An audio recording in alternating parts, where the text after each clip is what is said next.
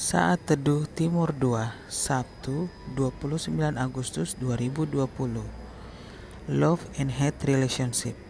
Bahan renungan hari ini diambil dari 2 Timotius 2 pasal 2. Pernahkah kalian mendengar orang berkata love and hate relationship? Saya rasa di antara kita semua, kata-kata ini sudah tidak asing lagi. Istilah ini menggambarkan tentang pasang surut atau naik turunnya suatu hubungan ada kalanya akur karena banyak cinta di dalamnya, namun ada kalanya situasi tidak enak atau bahkan mungkin sampai akhirnya timbul suatu kebencian. Saya rasa di semua jenis hubungan, baik keluarga, pertemanan atau kerja, pasti mengalami pasang surut suatu hubungan. Seperti dengan hubungan sesama manusia, manusia terkadang mengalami naik turun dalam hubungan pribadinya dengan Tuhan manusia terkadang terbawa perasaannya dalam menyikapi hubungan pribadinya dengan Tuhan.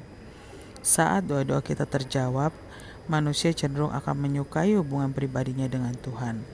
Sebaliknya, saat banyak doa belum terjawab atau banyaknya masalah kehidupan, membuat manusia dapat tidak menyukai atau melupakan Tuhan.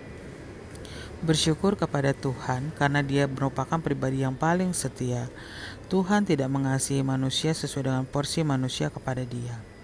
Seperti firman Tuhan pagi hari ini yang berkata bahwa apabila kita tidak setia, Dia tetap setia karena Dia tidak dapat menyangkal dirinya. Firman Tuhan mengingatkan setiap kita bagaimana standar kehidupan seorang Kristen harus dibangun dan bagaimana seorang Rasul Paulus dengan teladan hidupnya tetap setia kepada Tuhan apa pun keadaan hidupnya. Pagi hari ini mari kita kembali merenungkan bagaimana hubungan kita dengan Tuhan. Apakah hubungan yang kita bangun itu atas dasar hubungan love and hate relationship atau kita bangun berdasarkan iman percaya 100% kepada rencananya seperti teladan Paulus? Pilihan ada di tangan kita. Dia tidak pernah memaksa kita dan dia berjanji bahwa dia akan setia untuk hidup kita.